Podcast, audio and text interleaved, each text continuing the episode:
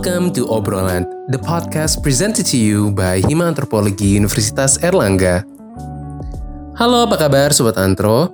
Um, balik lagi, gue Alif. Uh, untuk minggu kali ini gue bakal menemani kalian uh, selama podcast obrolan ini. Gimana nih Sobat Antro, ngapain aja selama karantina?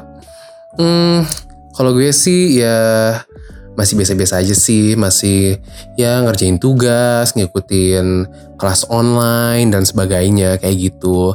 Tapi ya gue masih agak khawatir sih, soalnya nanti dalam beberapa minggu lagi anak-anak UNER nih mau mulai UAS. Jadi untuk anak-anak UNER dan sobat-sobat antro yang lagi dengerin, um, jangan lupa untuk tetap belajar dan semangat ya nanti UASnya. Um, selagi kita ngomongin soal karantina kayak gini ya, um, gue ag agak pengen ngomongin lagi nih tentang the whole COVID uh, situation gitu. Kalian dengar gak sih kalau biasanya tuh gue lihat juga banyak banget kayak post-post gitu di internet, di Instagram, di Twitter gitu. Terus kayak pasti ada aja gitu orang yang kayak ngomong kayak oh my god lihat deh kayak the sky is clearing up gitu kayak wah sekarang angkasanya jadi lebih bagus. Terus kayak um, hewan-hewan itu juga lebih uh, mulai bermunculan gitu dan uh, there's always gonna be this ada bakal ada semacam kayak um, omongan di akhirnya tuh kayak mungkin kita virusnya atau enggak mungkin kita um, adalah yang salah di bumi ini. I mean it's kind of funny sih, tapi untuk gue secara pribadi, I don't think itu menjadi sebuah opini yang apa ya valid for me personally karena um, as humans kita berada di dunia ini um, we all have our own purpose whether it's spiritually um, or anything else kayak gitu tetapi yang mau gue tunjukin itu adalah it's not about keberadaan kita yang ada di bumi ini yang salah, but it's more about how we do um, what we do uh, selama kita berada di dunia ini. Makanya um, gue pengen banget uh, secara pribadi juga gue mulai dari ya semenjak 2018 itu um, ya mencoba untuk uh, mengambil lifestyle yang lebih eco-friendly gitu. Which is actually apa yang gue pengen bawa untuk episode kali ini gitu. Uh, episode kali ini tuh gue pengen bawain soal, you know, eco-friendly lifestyle. Dan gimana sih kira-kira untuk ke depannya itu bakal ada pembahasan-pembahasan selanjutnya kayak gitu. Jadi untuk pertama-tama, sebenarnya mungkin ada dari kalian yang masih belum tahu nih pengertian eco-friendly lifestyle tuh apa sih? Well, eco-friendly itu kalau diterjemahkan kepada bahasa Indonesia itu artinya ramah lingkungan. Jadi, kalau kita lagi ngomongin yang namanya eco-friendly lifestyle, berarti kita ngomongin bagaimana um, cara hidup yang ramah lingkungan gitu. Dan menurut apa yang gue cari-cari gitu ya di internet, itu tuh bisa banyak banget. Mulai dari pakaian, mulai dari cosmetics, mulai dari produk-produk um, makanan pun juga bisa eco-friendly gitu, ataupun bahkan juga bisa um, eco-friendly furniture. Jadi um, gimana sih banyak jadi bisa dilihat tuh banyak banget gitu. Kayak hal-hal yang ternyata tuh bisa menjadi uh, ramah lingkungan gitu di sekitar kita um, yang pengen gue fokusin itu adalah sebenarnya itu adalah eco-friendly lifestyle yang muncul di Indonesia gitu. Jadi setelah gue cari-cari di internet gitu sama produser gue, um, pembuatan eco-friendly products di Indonesia itu sebenarnya itu tuh udah mulai sejak 2011. Namun yang menjadi sebuah tren itu adalah sebenarnya itu pada tahun 2017. Kalau kalian mungkin ingat tahun 2017 itu actually started sebenarnya udah banyak sih produk-produk eco-friendly cuman menurut gue yang paling melejit banget itu adalah metal straws yaitu um, uh, sedotan besi gitu.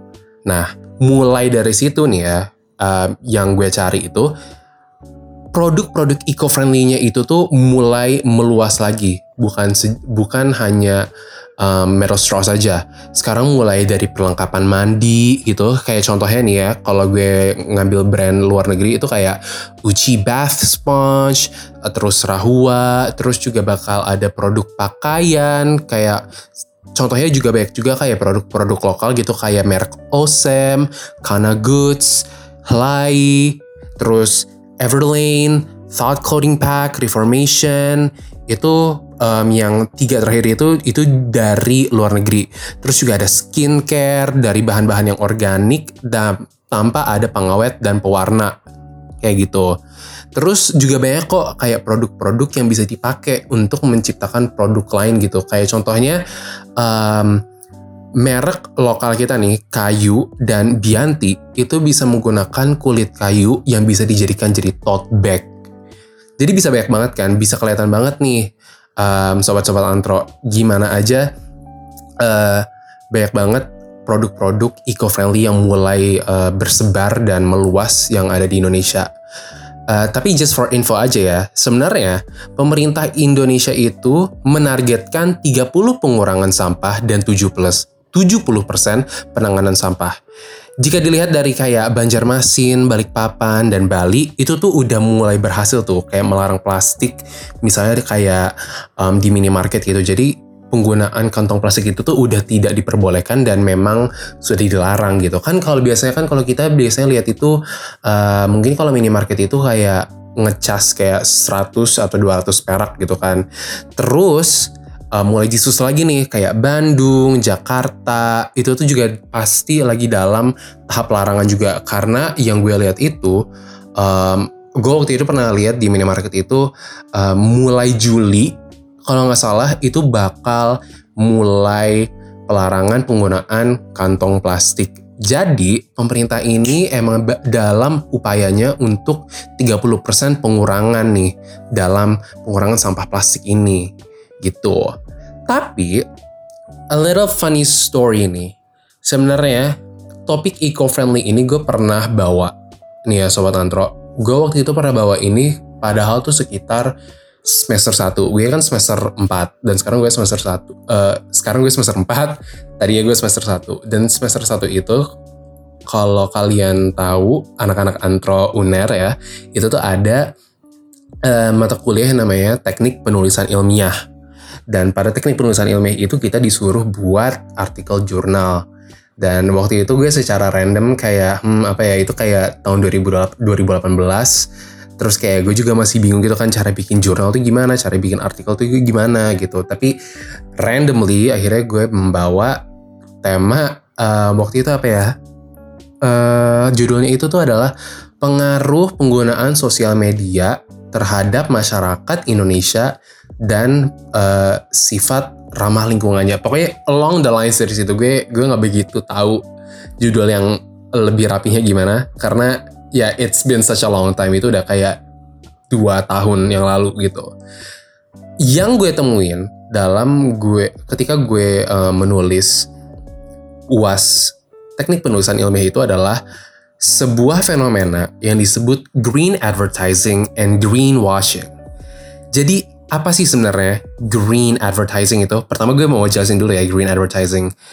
Jadi, green advertising itu adalah sebuah cara penjualan produk-produk ramah lingkungan gitu. Contohnya nih, kalau kalian um, biasanya kalau kalian ke minimarket atau pengen beli minuman gitu, contohnya kalian tahu kan yang namanya teh kotak jasmine yang kayak warna coklat gitu. Nah, itu tuh ada tulisannya di mereknya itu adalah thanks to nature yaitu bertujuan untuk mempromosikan teh kotak sebagai minuman teh yang ramah lingkungan. Gitu. Um, ada juga banyak juga sih sebenarnya yang gue lihat itu kayak um, contohnya apa ya? Kayak contohnya kayak kalau lihat Adidas um, kalian tau gak sih? Jadi itu Adidas itu kan uh, it's a shoe brand. Itu tuh mereka tuh punya cabang um, jenis jenis sepatunya yaitu Parley dan itu kalau nggak salah yang setahu gue ya, um, as much as I know itu menggunakan botol-botol um, plastik sebagai salah satu bahan utama uh, ininya fabric untuk sepatunya, kayak gitu. Tapi nih sebenarnya tuh green advertising is a really good thing kan. sobat antro karena gue mikirnya kayak oh kalau ada green advertising berarti gue bisa tahu nih apa aja sih produk-produk yang sebenarnya bisa bagus untuk lingkungan sekitar gue dan gimana caranya gue bisa um, berkontribusi kepada lingkungan sekitar gue lebih baik dan itu bisa dibantu dengan cara green advertising ini. Tapi dalam beberapa kasus itu ada sebuah anomali nih sobat antro, yaitu adalah greenwashing. Greenwashing itu adalah sebuah istilah pemasaran yang digunakan untuk mempromosikan atau memberikan pandangan kita jika sebuah produk dari toko dalam prosesnya itu menggunakan katanya ramah lingkungan. Cuman a lot of the times itu sebenarnya itu enggak. Itu tuh hanya digunakan untuk meningkatkan profit mereka gitu. Um, contoh greenwashing itu tuh banyak kita tuh biasanya tuh lihat contoh greenwashing itu tuh di iklan pertambangan, iklan um, nuklir, iklan semen, iklan minyak sawit, iklan produsen kertas, iklan properti gitu. Sebenarnya nih ya, it, itu tuh menggunakan cara yang sangat misleading gitu. Kayak contohnya nih, kalau gue bisa uh, kasih contohnya, kan salah satu contoh greenwashing itu kan iklan minyak sawit uh, dan iklan produsen kertas we might think karena mereka menggunakan natural um, resources untuk produk-produk yang mereka yang mereka gunakan gitu karena kertas dan minyak sawit actually menggunakan uh, resource resource dan sumber daya alam dari minyak sawit dan kertas itu malah merusak alam in a very much bigger way. Jadi it's itu salah satu bentuk greenwashing yang biasanya kita lihat gitu.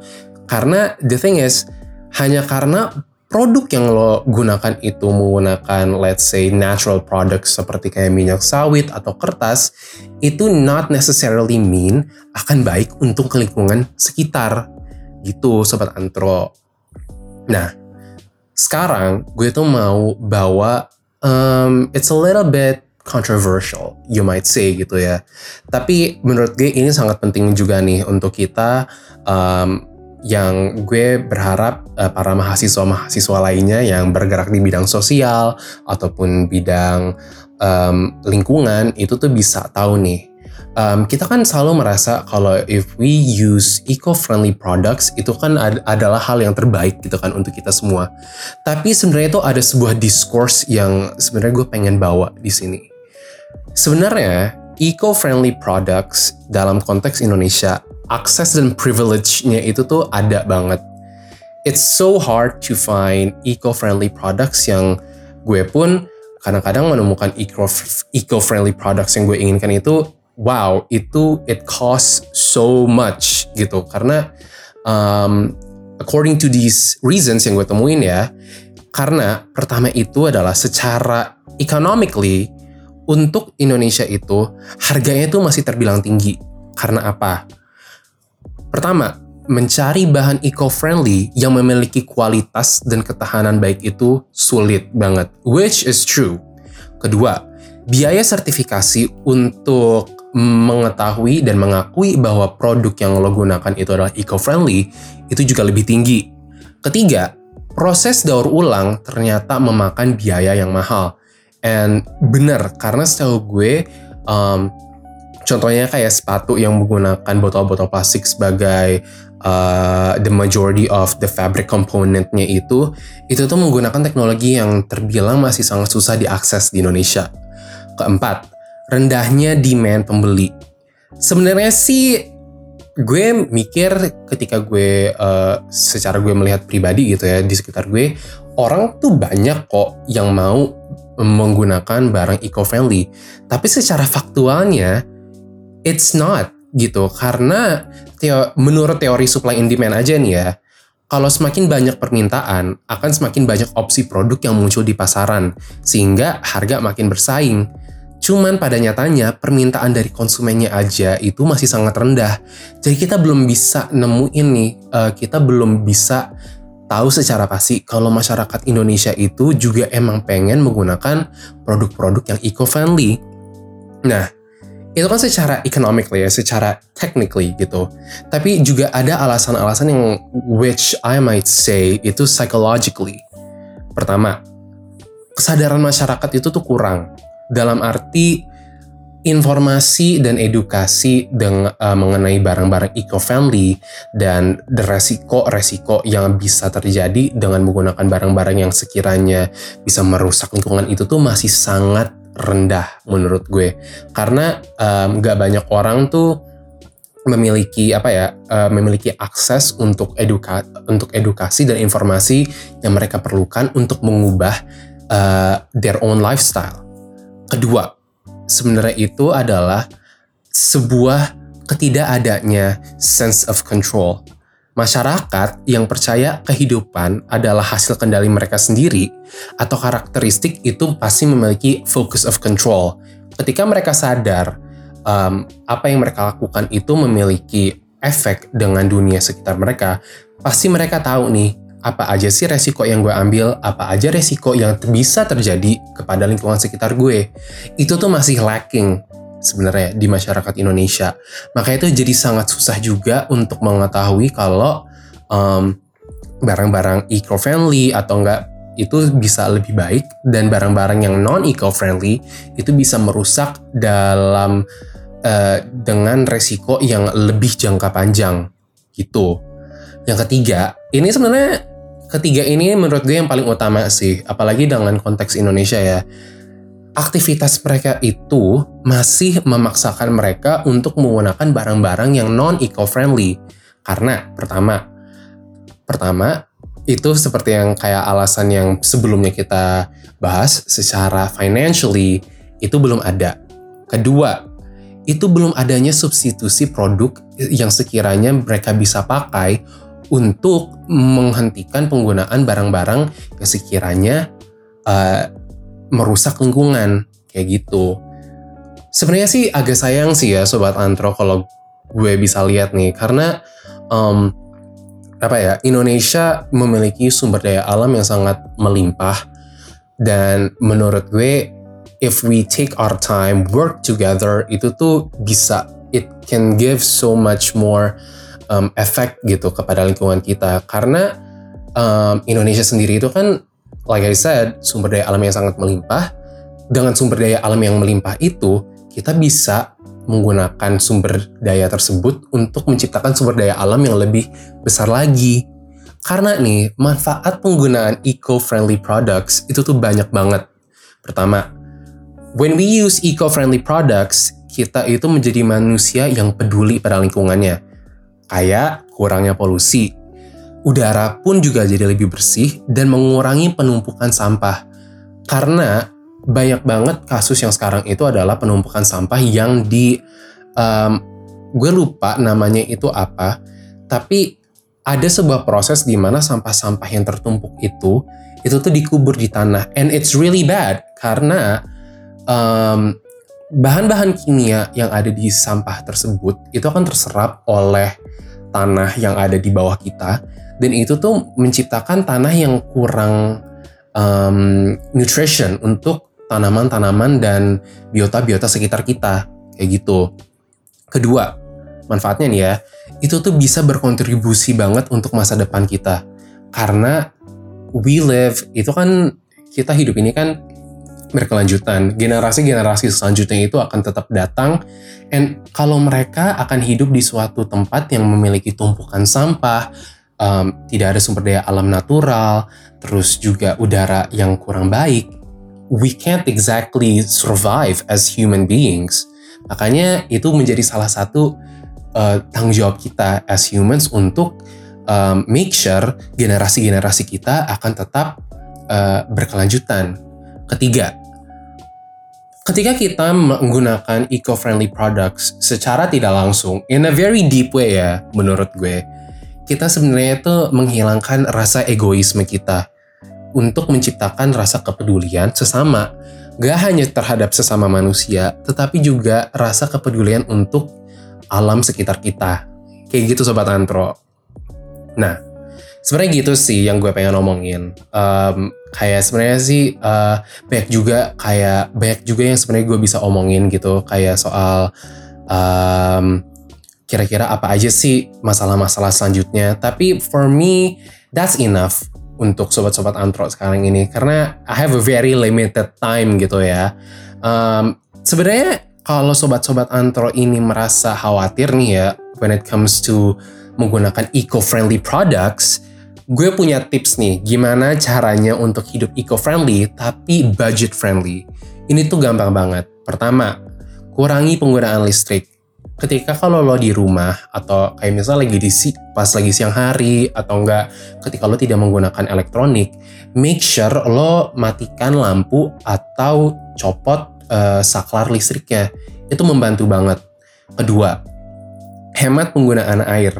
Kalau misalnya kalian lagi sikat gigi atau kalian lagi cuci muka, cuci tangan, ketika kalian lagi nyuci tuh tangan atau nggak lagi sikat gigi, please make sure untuk matiin kerannya dulu karena every drop counts. Ketiga, gunakan kendaraan umum atau berjalan. Ini bantu banget sih karena pertama, actually dalam konteks Jakarta ya yang gue lihat sekarang ini, ketika lo menggunakan kendaraan umum kayak busway atau um, angkot gitu atau kereta atau MRT, malah lo berkemungkinan untuk melewati macet dengan lebih cepat kok. So, ada positif-positif outcome dari lo menggunakan kendaraan umum. Atau mungkin kalau lo emang sekiranya emang lagi deket banget kok, kayak misalnya kayak cuman sekilometer atau enggak dua kilometer, why not walk gitu? I mean, it's good for your body, it's good for your health. Lo bisa stretching dikit untuk badan lo.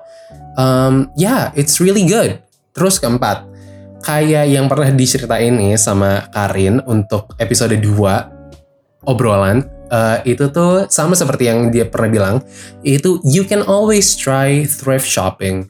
Kalau kita thrift shopping, berarti kita kan menggunakan atau membeli barang-barang yang um, bekas gitu ya, second handed gitu, not necessarily baju, but products. Dan itu sangat membantu banget karena apa? We're apa ya? We're reusing the products yang sebenarnya masih bisa digunakan. Dan dengan kayak gitu, carbon footprint kita malah akan menjadi lebih sedikit Kelima, gunakan bahan-bahan bekas untuk bikin barang-barang DIY. Ini banyak banget kok tutorialnya yang gue lihat di internet. You can make apa ya? Waktu itu gue pernah bikin tas pakai uh, apa tuh namanya? Pakai pakai kantong-kantong. Lo juga bisa bikin banyak banget sih kayak banyak banget barang-barang bekas yang bisa dipakai karena kayak contohnya kayak kemarin adik gue untuk tugas SMP-nya itu dia menggunakan um, tali pramuka untuk bikin hiasan dinding. And it's actually fun gitu karena you can find everyday stuff yang ada di rumah lo yang sekiranya nggak bisa digunakan lagi. And kalau lo, if you think hard a little bit enough gitu, you can find other um, uses for that products. Jadi kan lumayan kan nggak perlu untuk dibuang, tapi ternyata punya kegunaan-kegunaan lainnya. Jadi, Sobat Antro, as a closing statement, itu gue menurut gue itu adalah penting banget ya untuk kita mengetahui batasan-batasan masyarakat dalam hidup eco-friendly. Karena privileges are exist, they do exist gitu, and it's important untuk kita semua mengetahui kalau memang itu ada di privilege-privilege itu ada di lingkungan kita. Dan kehidupan ramah lingkungan itu tuh bukan sesuatu yang instan itu tuh sebuah proses gitu. Jadi don't ever feel bad kalau lo merasa kayaknya lo mm, carbon footprint gue tuh banyak banget atau enggak oh my god gue polluting terus gue mau nekan uh, barang-barang yang sangat uh, merusak lingkungan. It's okay, you can always try in the little stuff gitu karena it's a process gitu dan untuk mengubah lifestyle lo in a very instant atau enggak uh, drastic progress itu juga nggak bagus untuk diri lo. Kayak gitu sobat antro. Kurang lebih kayak gitu aja sih sobat antro untuk episode kali ini. Gue terima kasih untuk kalian untuk mendengarkan. Gue minta maaf kalau gue ada salah-salah kata atau gue kalau ngadet-ngadet. It's pretty frustrating karena kita lagi um, apa kita lagi karantina and sometimes you know inspiration comes and goes. Dan kadang-kadang lo bisa ngelantur aja gitu ke mana-mana. I'm sorry. Um, anyway, uh, after closing statement itu sebenernya sebelum gue benar-benar menutup episode ini, gue punya pengumuman nih, ya. Selaku gue salah satu uh, ketua divisi Hima Antropologi yaitu ketua divisi etnografi ada pengumuman nih untuk um, uh, untuk podcast obrolan kita. Pertama, kan gue selalu bilang kan kalau podcast kita ini bakal menjadi uh, dua minggu sekali episodenya. Well, guess what? Karena nanti episode obrolan itu bakal jadi mingguan. So every week kita bakal punya episode baru. Uh, we will we will love kalau kalian akan selalu dengerin kita. And if you have tips, itu menjadi a very very great opportunity for us untuk menemukan topik-topik baru yang kita bisa bahas nih di podcast ini. Also, kita juga bakal ada host baru. Uh, nama host baru kita itu Sabrina juga. Please jangan uh, please bedain Sabrina yang ada di episode 3 kemarin sama episode yang selanjutnya nih ya. Uh, jadi tungguin aja nih kira-kira kasih aja komentar nih kira-kira bedanya Sabrina yang kemarin sama Sabrina yang baru ini kayak gimana. Kurang lebih kayak gitu sih Sobat Antro. Terima kasih untuk mendengarkan. Um, keep listening to Obrolan, the podcast presented to you by Hima Antropologi Universitas Erlangga. I'm Alif, thank you.